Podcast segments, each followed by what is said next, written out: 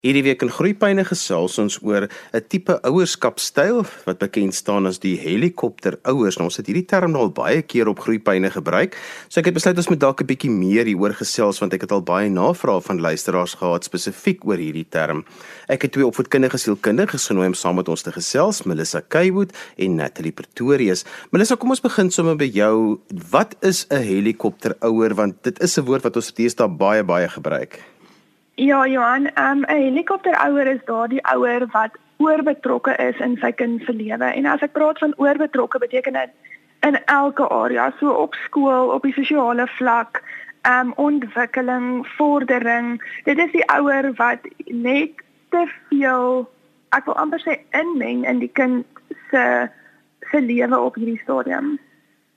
En Melissa, ons moet dalk net ook by sê, jy weet, gewoonlik um, wanneer dit kom by helikopterouerskap is dat elke ouer wil regtig net die beste vir hulle kinders hê. So hulle neem oor en meng in met baie goeie intensies want hulle eerste instink is mos dan maar om hulle kinders te ondersteun. Maar soms kan daai ondersteuning dan bietjie omskakel in 'n vorm van dalk bietjie te veel ondersteuning. Ja, Natalie, dit is 100% reg wat jy sê. Hierdie ouers wil net op die ou einde van die dag die beste hê vir hulle kinders. Um en ek dink as ons kyk na helikopterouerskap, kan ons dit op verskillende ouderdomsgroepe of ontwikkelingsfases kan ons dit maklik identifiseer. Soos as ons kyk na kleuters, sal ons sien dat helikopterouerskap is ehm um, wanneer hulle probeer verhoed dat die die klein kindjie val of vir my ouderdomsgepaste risiko's of so aan. Hulle verhoed ook dat hulle alleen speel of die ouer voel gereeld baie ehm um, skuldig dat die kind alleen moet speel. Hulle vra konstante terugvoer van die skool byvoorbeeld. Hulle is kort kort by die skool. Hulle vra gereeld terugvoer van die skool af en hulle gaan gereeld skool toe om goed op te los wat die kind noodwendig eintlik self kan doen om wat die kind wat nie so erg is vir die kind nie. En ehm um, hulle laat dit toe dat die kind toepaslik onafhanklikheid ontwikkel nie. Hierdie is ietsie eenvoudig soos byvoorbeeld om nie 'n kind toe te laat om te sukkel met 'n taak nie. Dit is amper hoe ek dit wil verduidelik. So byvoorbeeld 'n legkaart. As jy sien die kind kom nie reg met die legkaart nie, dadelik te probeer help. Dit is daai tipe aspekte waarna ons kyk.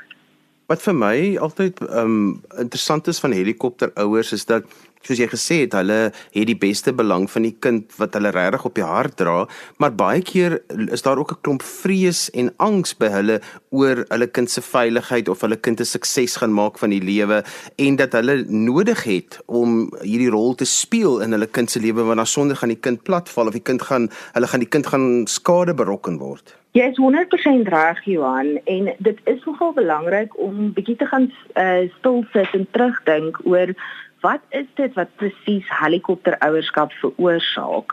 En dit ontwikkel regtig vir verskeie redes en soms is dit as gevolg van diepgesette kwessies um, om dit te weet en dit dan te kan besef kan dan ook help om te verstaan waarom 'n mens 'n sterk drang het om dan oorbetrokke te wees in die kind se lewe.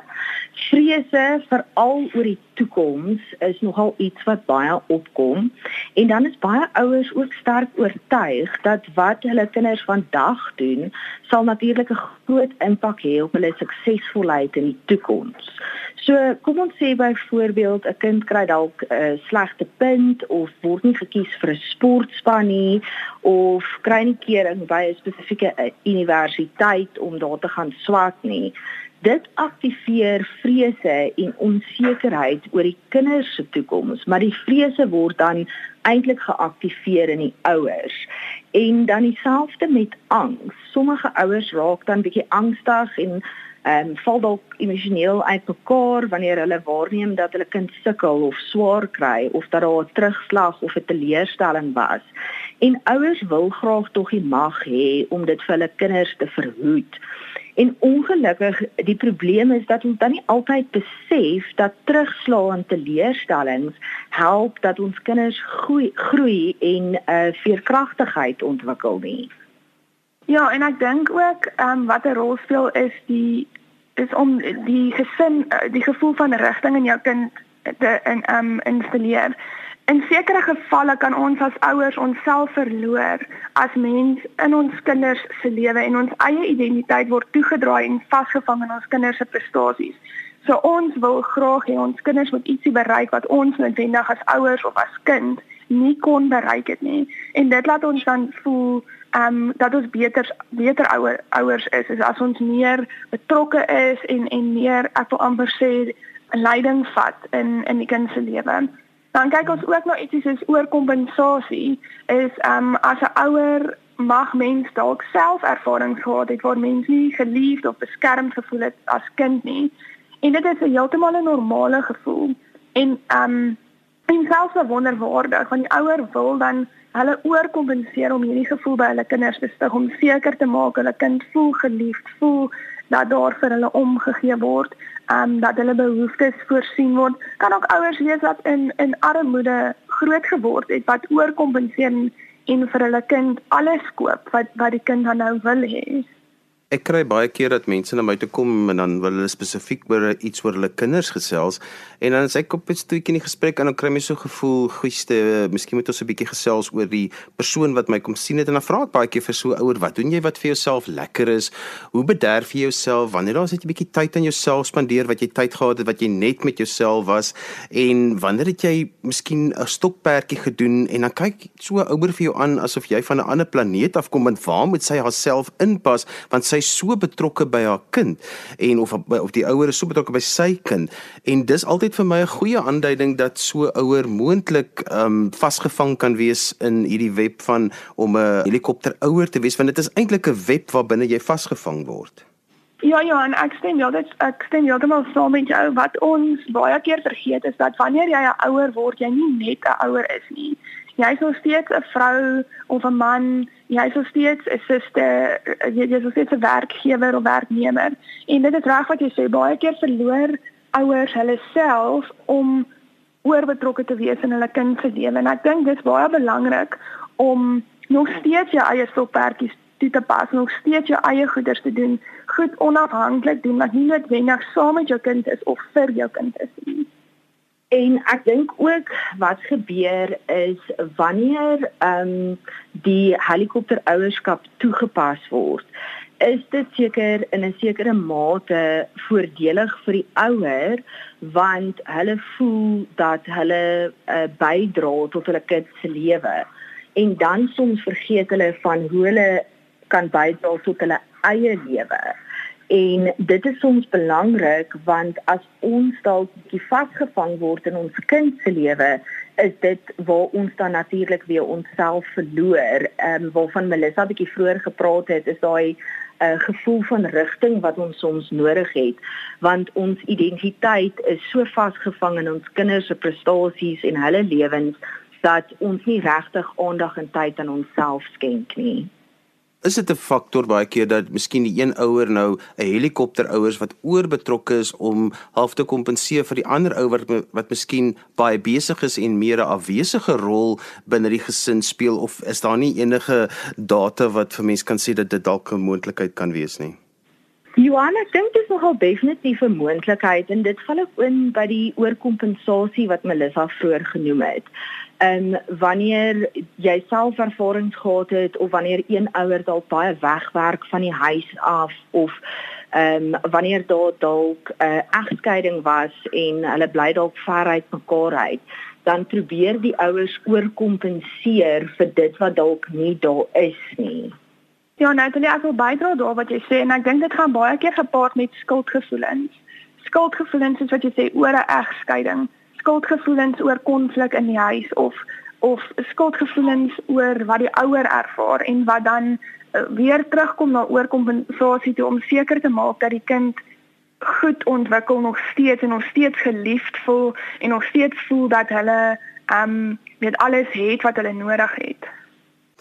Natalie Dis baie moeilik om met iemand te praat wat vasgevang is in 'n helikopter ouerskapstyl. Baie keer is dit 'n broer of 'n suster of 'n vriend of miskien die uh, die lewensmaat wat hieroor moet gesels, want gewoonlik die persoon wat vasgevang is hier in is, is baie vasgevang en is moeilik om vir hulle dit uit hulle blinde kol uit te haal en te sê hierdie is aan die gebeur en dit is nie noodwendig tot voordeel van die kind nie al kom dit met die beste bedoelings in die wêreld.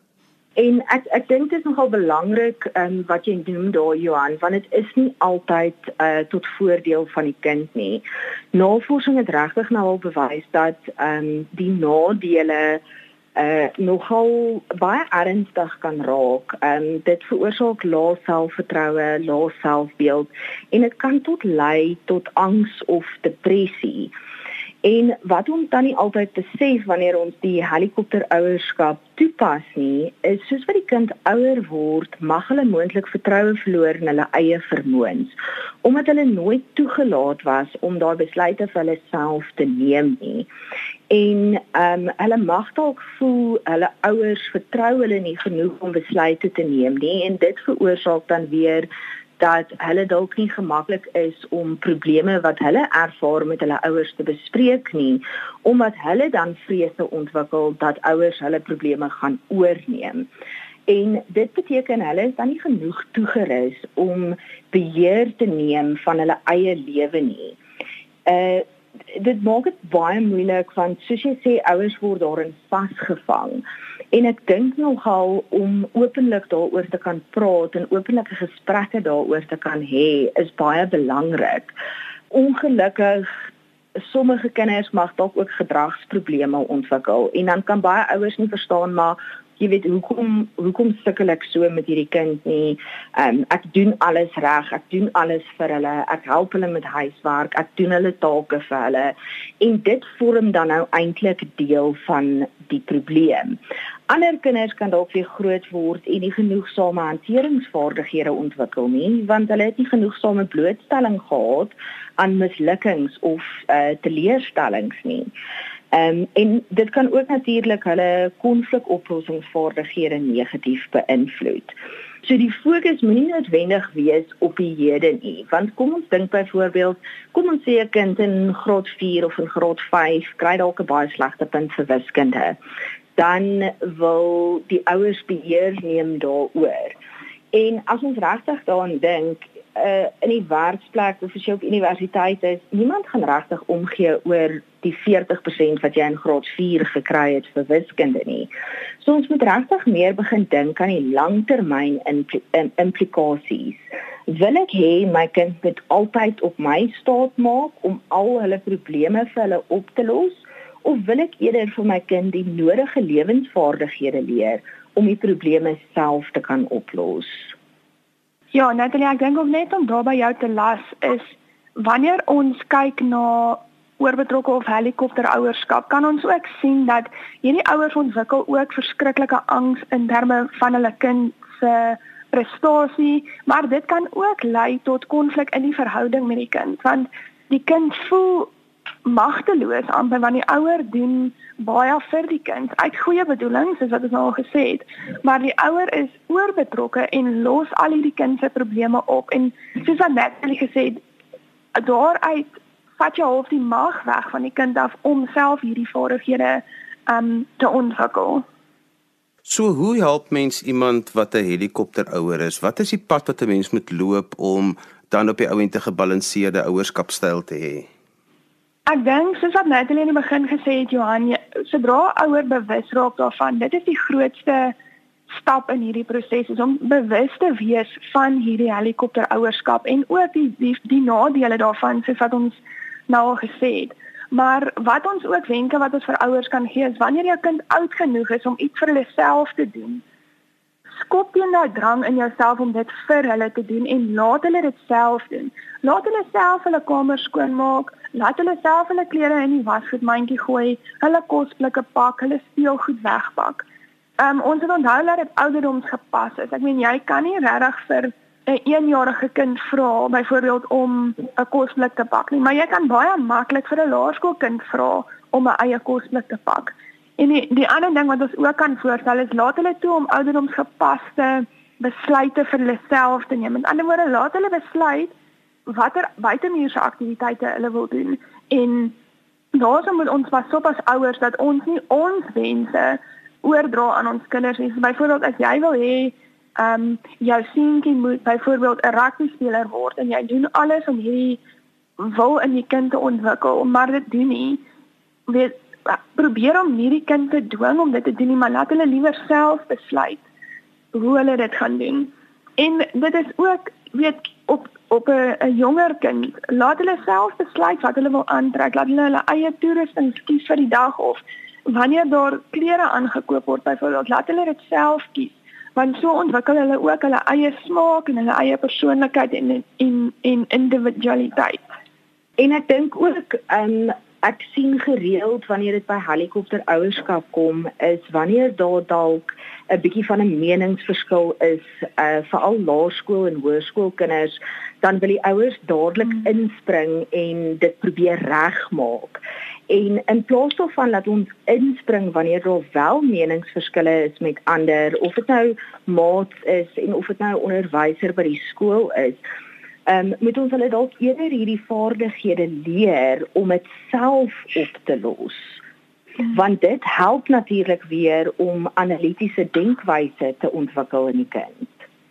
Ja, net en, en daarso is dit vir ouers belangrik om te leer hoe om hulle eie gevoelens te reguleer. Baie keer is daar 'n ouer wat dalk nie van 'n ander ouer hou nie en hoe jy dan ehm um, optree teenoor hierdie ouer of hoe jy konflik hanteer beïnvloed hoe jou kind konflik hanteer. En as jy ongereguleerde gevoelens het en jy weet nie hoe om jouself jou eie gevoelens of wil ek sê te reguleer nie, ja, soos wat ek sê dat jy nie dit oordra aan jou kind nie. Mm, want ek dink dit veroorsaak dan weer angs en vrese mm. en oorkompensasie by die kinders want uh, hulle voel daar soveel druk op hulle en dit help glad ongelukkig nie die situasie nie. Ehm um, want baie ouers wil nie hê hulle kinders moet misluk nie. En dit is bitter moeilik vir 'n ouer om te sien as 'n kind dalk misluk met iets. Maar in plaas daarvan dat ons daai mislukking probeer wegneem of ehm um, te probeer beheer, moet ons dalk eerder hulle leer hoe om mislukkings te hanteer. En dit is waar jy as ouer weer die rolmodellering vir hulle kan wees om vir hulle te wys weet jy ons almal kan nie altyd alles reg kry nie of reg doen nie, maar ons gaan nie tou opgooi nie want ons gaan weer probeer. In my ervaring is mens met iemand wat hierdie styl van ouerskap toepas praat, dan gaan hulle dadelik vir jou sê, "Maar weet jy, ons is net so besig. Ek het nie tyd om nou nog te sukkel en dat ek doen dit maar net gou dan se klaar." En die ander faktor is ook, ehm, um, ek gaan nog net hierdie eksamen, sal ek nou nog baie insit. Van die volgende eksamen af sal ek die kind nou 'n bietjie aan sy eie oorlaat, maar ons moet net hier hierdie inkom want anders gaan die pap nou op die grond val. So daai uitstel en en dan is dit vir hulle moeilik om iemand te kry wat dan vir hulle basies verantwoordbaar hou om binne die grense te bly van 'n gebalanseerde ouerskapstyl. Ek dink wat ons in ag moet neem is dat daai gaan terug na die angs wat ouers ervaar. Ehm um, wat Natalie voorgesê, daai angs dat jou kind dalk in hierdie eksamen nie so goed gaan doen nie. Ons kyk gereeld kry ons ouers wat hierdie toenemende angs ervaar by byvoorbeeld die eerste eksamen wat 'n kind skryf, daai graad 4 eksamen, daai heel eerste een. Is ouers so angstig dat hulle kind nie kan leer nie of nie weet hoe om te leer nie, nie goeie nie goeie um, punt gaan behaal op die einde van die dag nie, dat hulle dan nou so oorbetrokke raak en dat dit half wil ek sê 'n gewoonte raak en dit word dan toegepas na die volgende eksamen en die volgende een.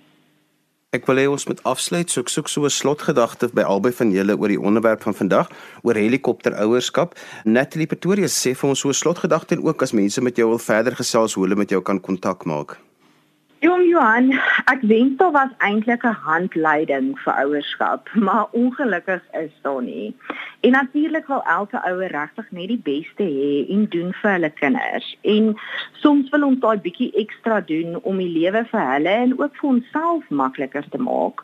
Maar die probleem met helikopterouerskap is dat dit ons kinders se gesonde ontwikkeling dan nou negatief beïnvloed. En dit beteken nie dat jy gee minder om of is minder lief vir jou kind as jy toelaat dat hulle mislukking ervaar byvoorbeeld nie. Jy kan nog steeds ondersteuning en liefde bied. En jy mag dalk net vind deur om 'n tree of 3 of 4 terug te vat Ehm um, neem net die druk van jou skouers 'n bietjie af en dan ook natuurlik van jou kinders se skouers.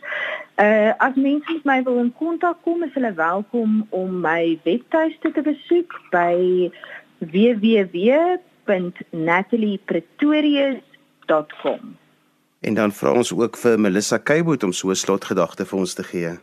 Dankie Johan. Ek dink om alles uit saam te vat, soos wat Natalie ook nou gesê het, ons moet altyd onthou dat helikopter ouerskap kom van 'n goeie plek af. Dit kom van daai plek af om die beste te hê vir ons kinders. Maar wat tog belangrik is, is om 'n balans te handhaaf.